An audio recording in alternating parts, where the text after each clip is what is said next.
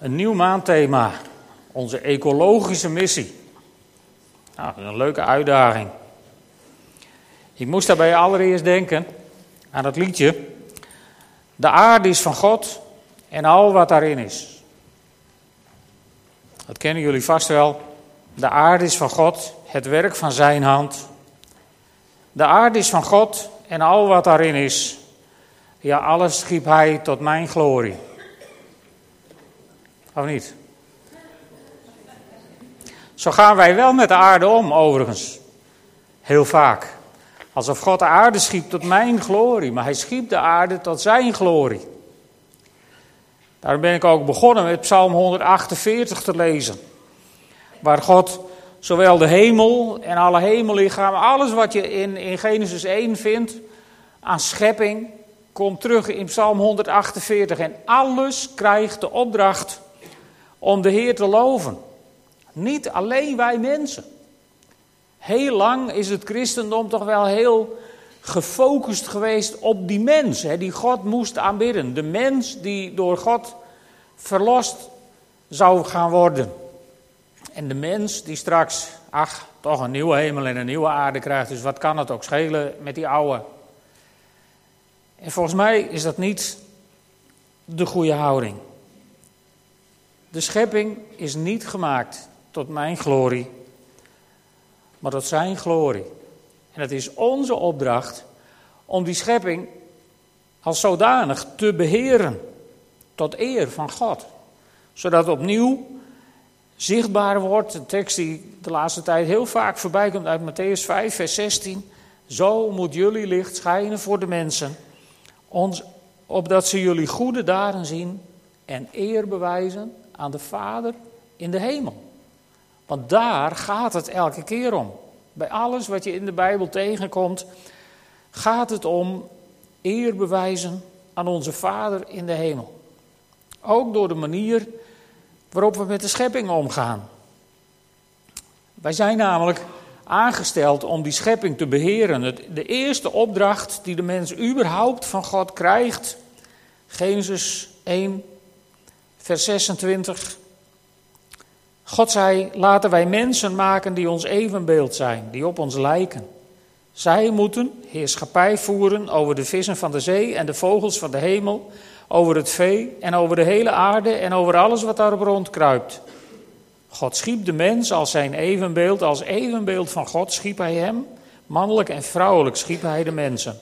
Hij zegende hen en zei tegen hen: Wees vruchtbaar en word talrijk, bevolk de aarde en breng haar onder je gezag. Heers over de vissen van de zee, over de vogels van de hemel en over alle dieren die op de aarde rondkruipen. Ook zei God: Hierbij geef ik jullie alle zaaddragende planten en alle vruchtbomen op de aarde. Dat zal jullie voedsel zijn. Aan de dieren die in het wild leven, aan de vogels van de hemel en aan de levende wezens die op de aarde rondkruipen, geef ik de groene planten tot voedsel. En zo gebeurde het. God keek naar alles wat hij gemaakt had en zag dat het zeer goed was. Het werd avond en het werd morgen, de zesde dag. Wij zijn dus op deze aarde om de schepping te beheren. Het was de eerste opdracht die we van God kregen. Heersen over de natuur. En dan heersen in de zin zoals God heerst over ons. Wij heersen vaak over de natuur zoals de gemiddelde despoot heerst over zijn onderdanen. Als je ziet hoe de aarde wordt uitgebuit, hoe mensen op deze aarde worden uitgebuit, maar ook, ook hoe, hoe dieren en, en onze natuurlijke energiebronnen worden uitgebuit, dan heersen wij niet over de aarde zoals God heerst over ons. Als God zo met ons om zou gaan, dan zou hij ons bijvoorbeeld nooit een sabbatdag hebben gegeven. Dan zou hij ons eerder 7 keer 24 uur economie hebben geschonken. En dan zou hij ons hebben geschapen zonder de behoefte om te slapen, zodat we vooral 7 keer 24 uur productief zouden kunnen zijn voor hem. Maar God deed dat niet. En je moet, je moet het Oude Testament vooral eens nalezen op, op die keren waarop God zegt: op die dag moet je rusten. En op die dag moet je rusten. En die week moet je rusten. En dan vieren wij samen feest. En dan vieren. God is veel meer een God van rusten en feest vieren. dan van alleen maar werken en bezig zijn. God is veel meer een God van relatie dan van altijd maar bezig zijn en presteren. Wij moesten de aarde onder ons gezag brengen. Nou, dat hebben we gedaan. En door de zondeval zijn de dieren bang voor de mens geworden. Nou, en als je kijkt naar het aantal dieren wat inmiddels is uitgestorven of met uitsterven bedreigd wordt, dan zijn ze niet voor niks bang voor de mens. Dan hebben ze ook nog gelijk dat ze voorzichtig zijn als die tweebenige figuren in beeld komen. Want wij zijn gevaarlijk voor de schepping geworden. En veel diersoorten zijn inmiddels ernstig bedreigd door vernietiging van oerwouden, door het overbevissen en vervuilen van de oceanen. En noem het maar op, wij richten wat aan als mensen. En dat komt omdat geldelijk gewin bij ons vaak een hogere prioriteit heeft dan het beheren van Gods schepping. En dat zijn we ons niet eens altijd bewust. Harry heeft ons de afgelopen keren meegenomen op de Bijbelstudieavonden. En ons laten nadenken over, over ja, onze sociale missie, maar die was toch ook wel heel erg ecologisch. Van wat voor producten gebruik je? Wordt degene die dat produceert daar fatsoenlijk voor betaald? Heeft de aarde ervan te lijden of niet van te lijden? En, en misschien moeten we ons allemaal af en toe eens afvragen als we zo voordelig mogelijk inkopen of de dingen die we kopen wel eerlijk zijn gemaakt en geproduceerd. En misschien moet je je af en toe eens afvragen wie de prijs ervoor betaalt dat wij zo goedkoop mogelijk proberen te kopen. Want weet je, goed omgaan met de aarde is ook goed voor onszelf. Op, uh, op mijn eigen volkstuin, daar gooi ik mijn rommel niet zomaar op de grond. Daar ruim ik het op. En niet omdat ik anders het bestuur op mijn nek krijg, maar omdat je graag de boel opgeruimd wilt hebben. En uh, als de wind troep in mijn tuin blaast, of in de sloot rondom mijn tuin, dan haal ik dat eruit, omdat ik er last van heb. En vorig jaar, dat is wel grappig, vorig jaar had het heel hard gewaaid. Was er een stuk golfplaat in de sloot gewaaid achter mijn tuin. Nou, ik denk dat is geen gezicht. Dus ik viste die golfplaat eruit en toen zou ik hem naar de overkant gooien, want daar was een tuin van niemand op dit moment. dus ik stond daar zo en toen dacht ik, waar ben ik nou helemaal mee bezig? Sommige mensen zullen zeggen, toen sprak de Heer tot mij. Nou, dat deed hij waarschijnlijk ook. Dus ik heb het bewaard. En later mee naar huis genomen en in de container gedaan. Maar zo zit het in hè? Weg ermee. Dus ik weet een beetje hoe het werkt. En hoe het voelt. En uh, ja, zo, ruimen we zoveel mogelijk op. Jullie kennen die reclame wel van uh, Nederland Schoon, of zo, is, heet het zo niet? Die reclame waarbij, waarbij mensen in beeld worden gebracht die als ze ergens wandelen en er ligt rotzooi naast de prullenbak dat even oppakken en in de prullenbak doen. Nee. De gemiddelde Nederlander denkt, nou dat heb ik daar niet neergegooid, dus ik hoef het er ook niet weg te halen. Vraag is wie het er nou wel weg moet halen. Want de mensen die we dat uh, in loondienst laten doen, die kunnen of willen wij met elkaar niet meer betalen. Dus wie moet het dan doen? Het is ook, een beetje zo hier in de kerk. Als wij uh, zondagsavonds hier een, een aanbiddingsavond hebben, of een andere avond of een bidstond, dan zie je wel eens even zo onder de stoelen door en dan schrik je van wat er ligt in de kerk. Maar ja, daar hebben we natuurlijk een koster voor, dus die redt daar maar mee. Maar waarom nemen we het niet gewoon mee? En als iemand anders het per ongeluk vergeet, ach, waarom niet even gebukt en het meegenomen? Want kijk, als onze eigen kerk er na een dienst uitziet zoals hij er soms uitziet, niet altijd hoor. Maar zoals hij er soms uitziet, dan denk ik, ja, hoe moet die natuur van een ander er dan wel niet uitzien als wij voorbij zijn gekomen? Hoe gaan we om met de natuur is dus helemaal niet zo ingewikkeld. Dat begint heel dichtbij. Van waar laat ik me rommel? En daarom hoef je voor je ecologische missie helemaal niet zo ver weg. Die is in wezen vlakbij je eigen rommel meenemen en af en toe even bukken om de rommel van een ander op te ruimen, dan ben je al een hele, hand, hele end. Gewoon doen wat je hand vindt te doen. Bijna te simpel om waar te zijn. Maar God heeft het ook groter gemaakt. In Leviticus 25, dat ga ik niet helemaal lezen. Maar in Leviticus 25 staan een hele hoop noemenswaardige dingen. En dat is natuurlijk wet, het zijn regels voor het volk Israël van vroeger, maar er zitten voor ons best wel hele goede principes in. Het gaat over het sabbatsjaar. Het sabbatsjaar, ja, dat past niet meer in onze huidige landbouwstructuren. Maar het sabbatsjaar is wel door God ingevoerd om, zeg maar, uitbuiting, uitmergeling van onze landbouwgrond te voorkomen. En tegenwoordig hebben we daar andere mogelijkheden en middelen voor. Maar een slimme boer, volgens mij, heren agrariërs, eh, die buit de grond niet zodanig uit dat er over een paar jaar niks meer wil groeien, toch? Dan zorg je toch voor wat voeding, voor het spul wat moet groeien. En, en je zorgt voor wisseling van de. Dat doe ik zelfs op mijn volkstuin, want daar moet het. Maar als je slim bent, dan ga je daar zo mee om. Dus de hele instelling van het sabbatsjaar, daar zit een heel goed principe in. Buit de aarde niet zodanig uit dat de aarde niet meer voor je zorgt. En dan gaat het over het jubeljaar. Dat is eigenlijk een heel ander principe. Vanochtend dacht ik daar nog eens aan. En, en, en toen schoot me te binnen als wij dat principe, wat daar duidelijk wordt gemaakt, hadden geïntegreerd in onze maatschappij, dan hadden we nu geen economische crisis gehad. Want wat is het principe van het jubeljaar? Het principe van het jubeljaar is dat, dat je in ieder geval nooit groot grondbezitter kunt worden. Want iedereen heeft zijn eigen grond. En als je een stuk grond moest verkopen in Israël, dan was je in het jubeljaar, in het vijftigste jaar, dan kreeg je dat weer terug. Dus de waarde van wat je verkocht was afhankelijk van het aantal jaren dat je nog had te gaan tot het jubeljaar. Groot grondbezit was hiermee in Israël volkomen uitgesloten. En wat lees ik van de week in de krant?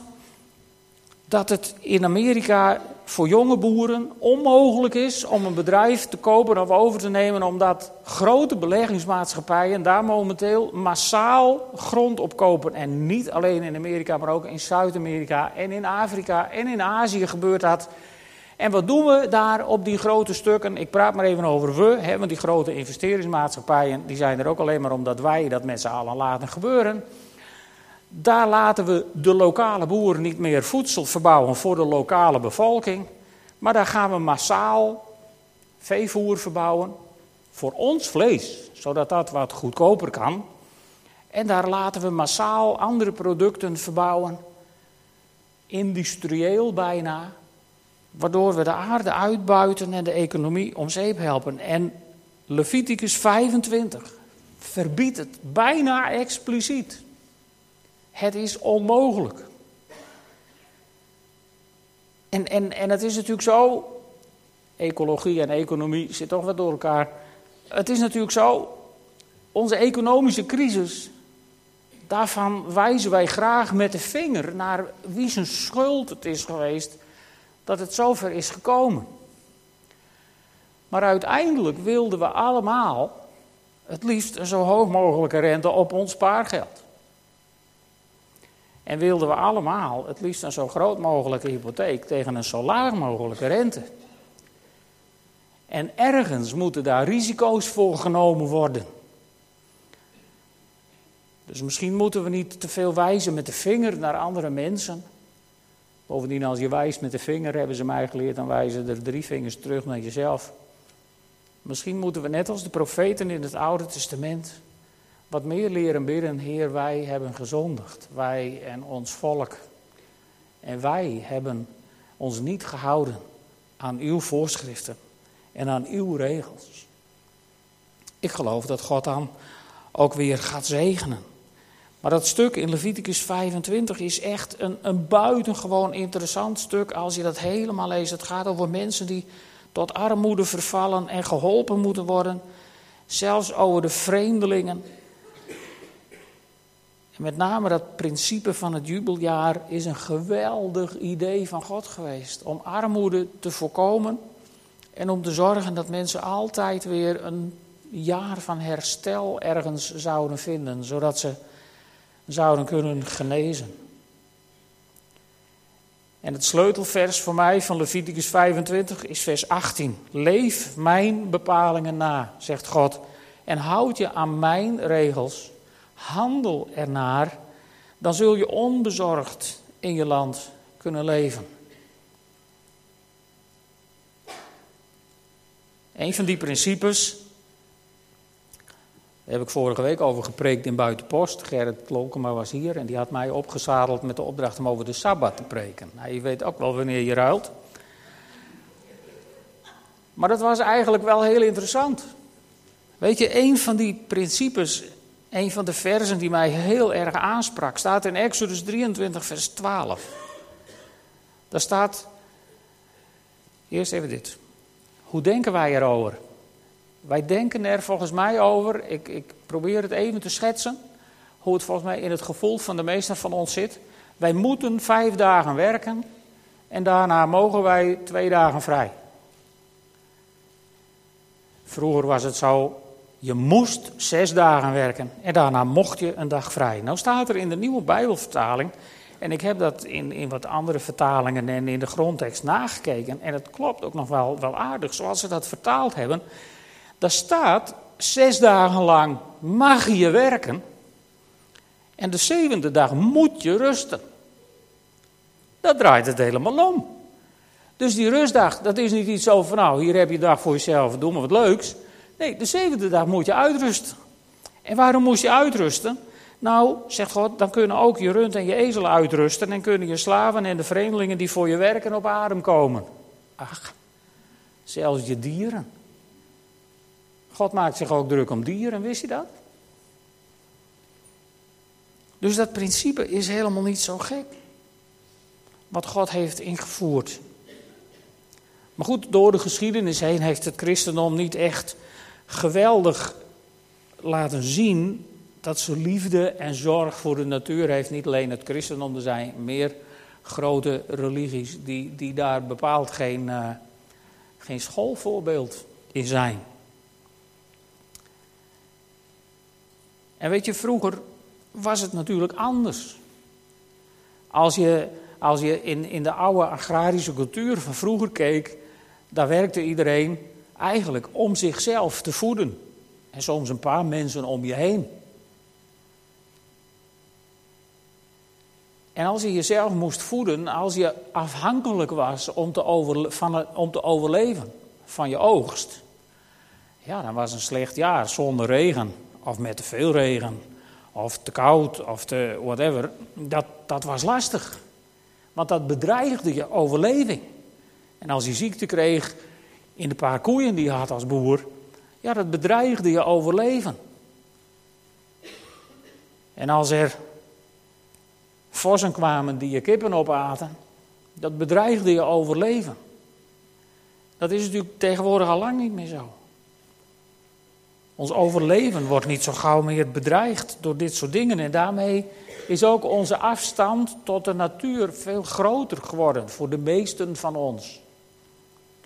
En volgens de ecologische theologen is dat gebeurd zo in de tijd van de verlichting. Toen werd, zeg maar, alles wat heilig was, dat werd ineens, helemaal niet, nee, dat werd ineens wetenschappelijk verklaarbaar en begrijpbaar en behapbaar.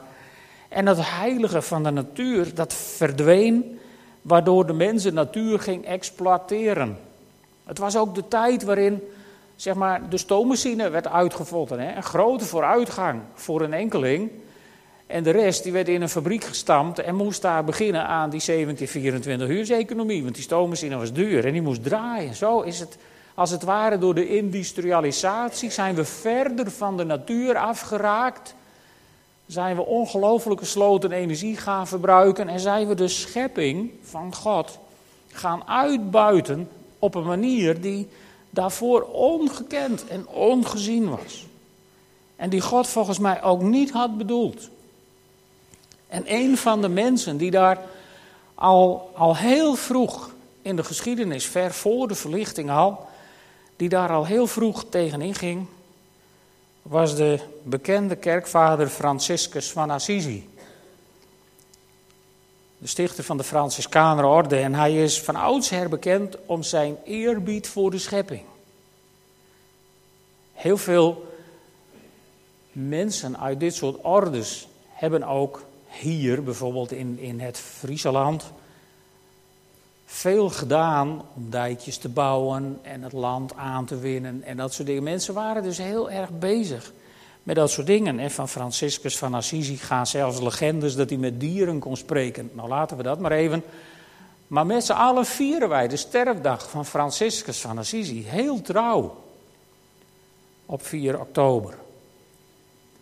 En dat noemen wij tegenwoordig Werelddierendag. Ja, we hebben er wel een naampje aan gegeven, want anders is het te rooms. Maar het is gewoon de sterrendag van Franciscus. ja. Het is dus niet goed gegaan met de schepping. Omdat wij met de zondeval de schepping onder een vloek hebben gebracht. Dat staat in Genesis 3, vers 17. Daar zegt God tegen de mens: Je hebt geluisterd naar je vrouw, gegeten van de boom die ik je had verboden. Vervloekt is de akker of vervloekt is de aarde om wat jij hebt gedaan. Zwoegen zul je om ervan te eten je hele leven lang. Nou, wij hollen tegenwoordig met een karretje door de supermarkt, dus ook dat zijn we wat ontleerd. En dan staat er: dorens en distels zullen er groeien, toch moet je van zijn gewassen leven. Zweten zul je voor je brood. En als je een volksuitje neemt, dan ga je weer een beetje begrijpen hoe dat werkt. Dan ga je zien dat onkruid veel harder groeit dan het eten wat je graag zou willen eten. En dat heeft ook minder last van het weer. Heel bijzonder. De aarde is onder een soort vloek geraakt. Maar Jezus Christus kwam naar deze wereld. En dan worden wij heel, zeg maar, antropocentrisch, hè, op de mens gericht. Jezus Christus kwam naar deze wereld om ons te verlossen. Nou nee, Jezus Christus kwam naar deze wereld om de schepping te verlossen. Ik wil daar iets met jullie over lezen in, in Colossensen 1.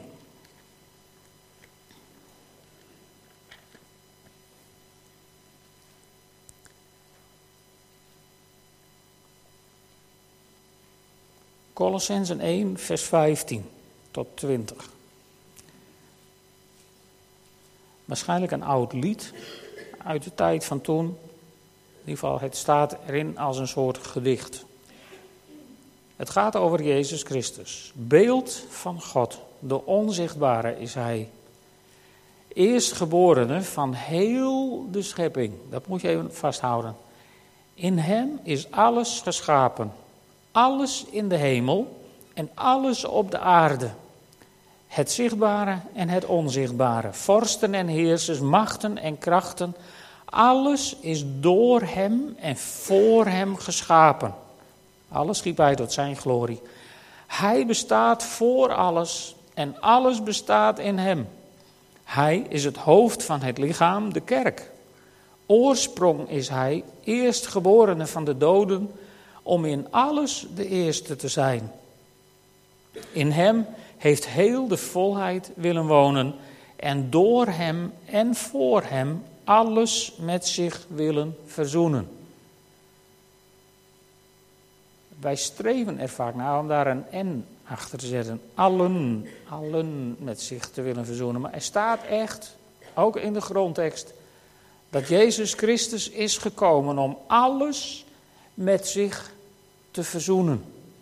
En dat is nog lang niet klaar, dat weet ik ook wel. We hebben nog een heel eind te gaan. Want ach, leeuwen eten nog steeds geen hooi. En beren spelen nog steeds niet met onze kleine baby's. En in het nest van een adder steek je nog steeds niet je hand. Dus we hebben nog een eind te gaan. Maar Jezus Christus kwam naar deze wereld om de wereld de hele schepping met zich te verzoenen. En als je nou denkt over, over onze ecologische missie, dan hebben wij dus ook een opdracht op het gebied van de natuur. Want ook die natuur wil Jezus met zich verzoenen. Ook daarvoor is hij naar deze wereld gekomen. Hij is naar deze aarde gekomen om de vloek van de zonde, de vloek van Satan op deze wereld voor eens en voor altijd te verbreken. Of die vloek nu op jou als mens is, of op de natuur om je heen. Jezus Christus kwam met een groter doel dan mensen alleen. Hij kwam om zijn schepping met zich te verzoenen. En als God daarmee klaar is, als die schepping straks helemaal met Hem verzoend is, ja, dan komt er een nieuwe hemel en een nieuwe aarde. Maar als je daar, als je daarover leest, dan zijn er geleerden die zeggen, ja, dus de oude, deze hemel en deze aarde worden helemaal vernietigd. En God begint bij nul opnieuw. Maar het is nog maar de vraag of het spraakgebruik wat in de Bijbel gebruikt wordt, dat wel betekent. In 2 Petrus 3, vers 13, daar staat: Maar wij vertrouwen op Gods belofte en zien uit naar een nieuwe hemel en een nieuwe aarde waar de gerechtigheid woont. En Petrus legt daaruit dat de oude hemel en de oude aarde zullen vergaan door vuur. Zoals de aarde ook al eens is vergaan door water. Maar met alle respect, na de zondeval, na de zondvloed, begon God niet bij nul. Het leven op deze aarde begon wel weer bij nul. Behalve, eigenlijk ook niet eens, want er was een beetje gered van het oude leven. Dus als God iets, iets laat vergaan, is het maar de vraag of het helemaal weer bij nul begint. En het zou maar zo kunnen zijn, en met name de ecologische theologen, die, die, die neigen heel ver in die richting van, als wij nu goed voor de aarde zorgen, dat is niet alleen voor nu. Wij kunnen als christenen er niet maar op losleven en de aarde volledig uitbuiten, want ach, binnenkort zijn we aan het eind van de tijd en dan vergaat ze wel. Dan geloof ik ook niet dat de nieuwe hemel en de nieuwe aarde sporen van ons wanbeleid zullen dragen. Dat is mij een brug te ver. Want Christus kwam naar deze wereld om de schepping met zich te verzoenen en om alles wat wij vernield hebben weer goed te maken, toch? Ook in je eigen leven verwacht je toch niet dat alle dingen die je fout hebt gedaan, en misschien, ik weet niet hoe groot de puinhoop is die sommigen van jullie van je leven hebt gemaakt, maar in wezen verschillen we allemaal niet zoveel van elkaar. Als we heel eerlijk zijn, zitten we allemaal redelijk in hetzelfde schuitje, volgens mij. De puinhoop die we van ons leven hebben gemaakt. Je gelooft toch niet dat je straks in de, op de nieuwe aarde, als nieuwe schepping, die puinhoop met je mee gaat dragen? Nou wel. Ik geloof dat althans niet. Jezus Christus kwam naar deze wereld om de schepping met zich te verzoenen. En die kwam om onze puinhoop op te ruimen, schoon te maken, zoals wij bij Nederland schoon worden uitgedaagd om ons te bukken en de rotzooi die een ander heeft neergegooid op te pakken en netjes op te ruimen. Zo is Jezus Christus naar deze wereld gekomen, want God was bereid om helemaal vanuit de hemel neer te dalen op deze aarde. Om te bukken en jou en mijn rotzooi op te ruimen en het weg te doen. Dus een nieuwe hemel en een nieuwe aarde. De planeet, dat weet ik niet. Maar mijn puinhoop zal verdwenen zijn. Prijs de Heer. Weet je, daarom vieren we straks ook avondmaal met elkaar. Omdat we dat geloven. Tenminste, dat hoop ik maar. Dat je dat gelooft. En anders dan, dan zou ik je dat op dit moment willen aanpraten. Dat je dat gaat geloven. Jezus kwam naar deze wereld om de schepping met zich te verzoenen. Met alles wat in jou en mijn ogen misschien helemaal fout is. Alles wat misschien in je eigen leven wel fout is. Misschien wat in je eigen gezondheid of in je eigen psychische toestand wel fout is. Jezus Christus kwam naar deze wereld om de schepping met zich te verzoenen, inclusief alle dingen die in jouw leven niet zijn zoals ze zouden moeten zijn.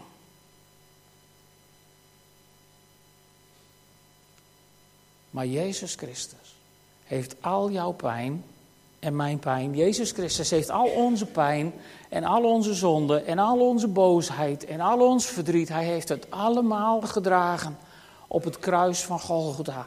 En niet alleen dat van ons mensen, maar hij kwam naar deze wereld om de schepping met zich te verzoenen. En dat maakt het feest als we avondmaal vieren in mijn ogen nog veel groter dan het al was. Die verzoenende kracht van Christus is nog veel groter dan jij en ik ooit voor mogelijk hebben gehouden. Hij komt straks terug naar deze wereld. Houdt u daar eigenlijk wel rekening mee? Hij komt straks terug naar deze wereld. En ik weet niet wanneer het straks is.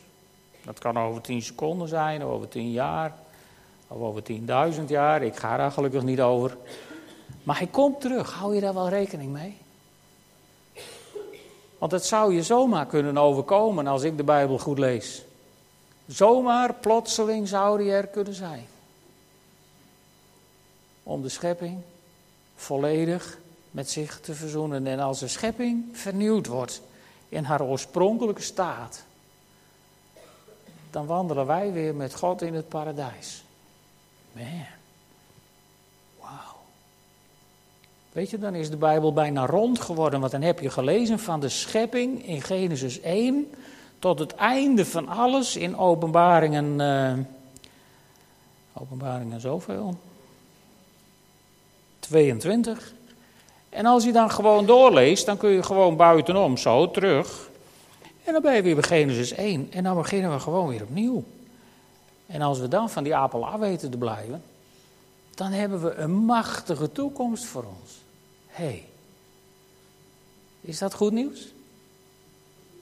Christus wil de schepping met zich verzoenen. Ook het milieu om jou heen is straks helemaal goed. Is het altijd mooi weer? Misschien? Wauw. Nee, laat ik niet verder fantaseren, want dan. Maar goed, soms droom je daar wel eens van, of niet? Van die nieuwe schepping. Helemaal verzoend met God door het bloed van Christus. Zullen we dat zometeen met elkaar vieren? Vieren als een feest? Als een feest? Want dat is iets wat ons nog te wachten staat. Nu zien we nog maar door een spiegel in raadselen, zegt Paulus. Nu mogen we, nu mogen we ons verbonden voelen met God door Jezus Christus. Maar ik weet niet hoe het jullie gaat. De ene dag lukt dat beter dan de andere. Of niet?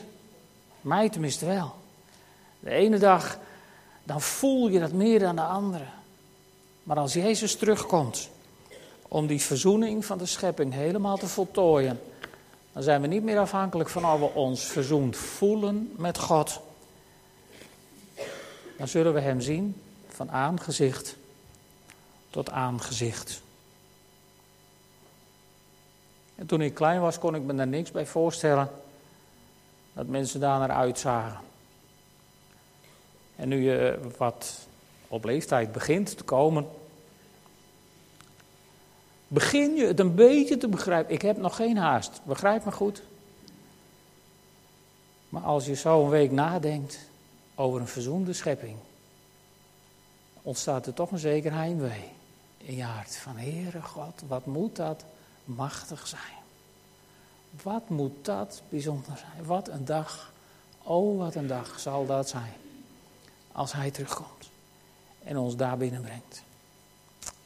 Zullen we samen bidden? Mag ik jullie uitnodigen om op te staan? Vader in de hemel, ik bid u allereerst om onze ogen te openen voor de manier waarop wij elk voor zich omgaan met uw schepping. Heer, wilt u ons daarin meer en meer gaan leiden door uw Heilige Geest? Wilt u spreken tot ons hart, Heer, zoals u ja, zoals u tot mij sprak op de tuin. Toen ik zomaar iets ergens neer wilde gooien waar het niet hoorde. Heer, wilt u zo de leiding in ons leven steeds meer nemen, ook op dit soort materiële gebieden. Vader, en ik bid u, vergeef ons als kerken, als gelovigen, dat we daar vaak zo weinig aandacht voor hebben gehad.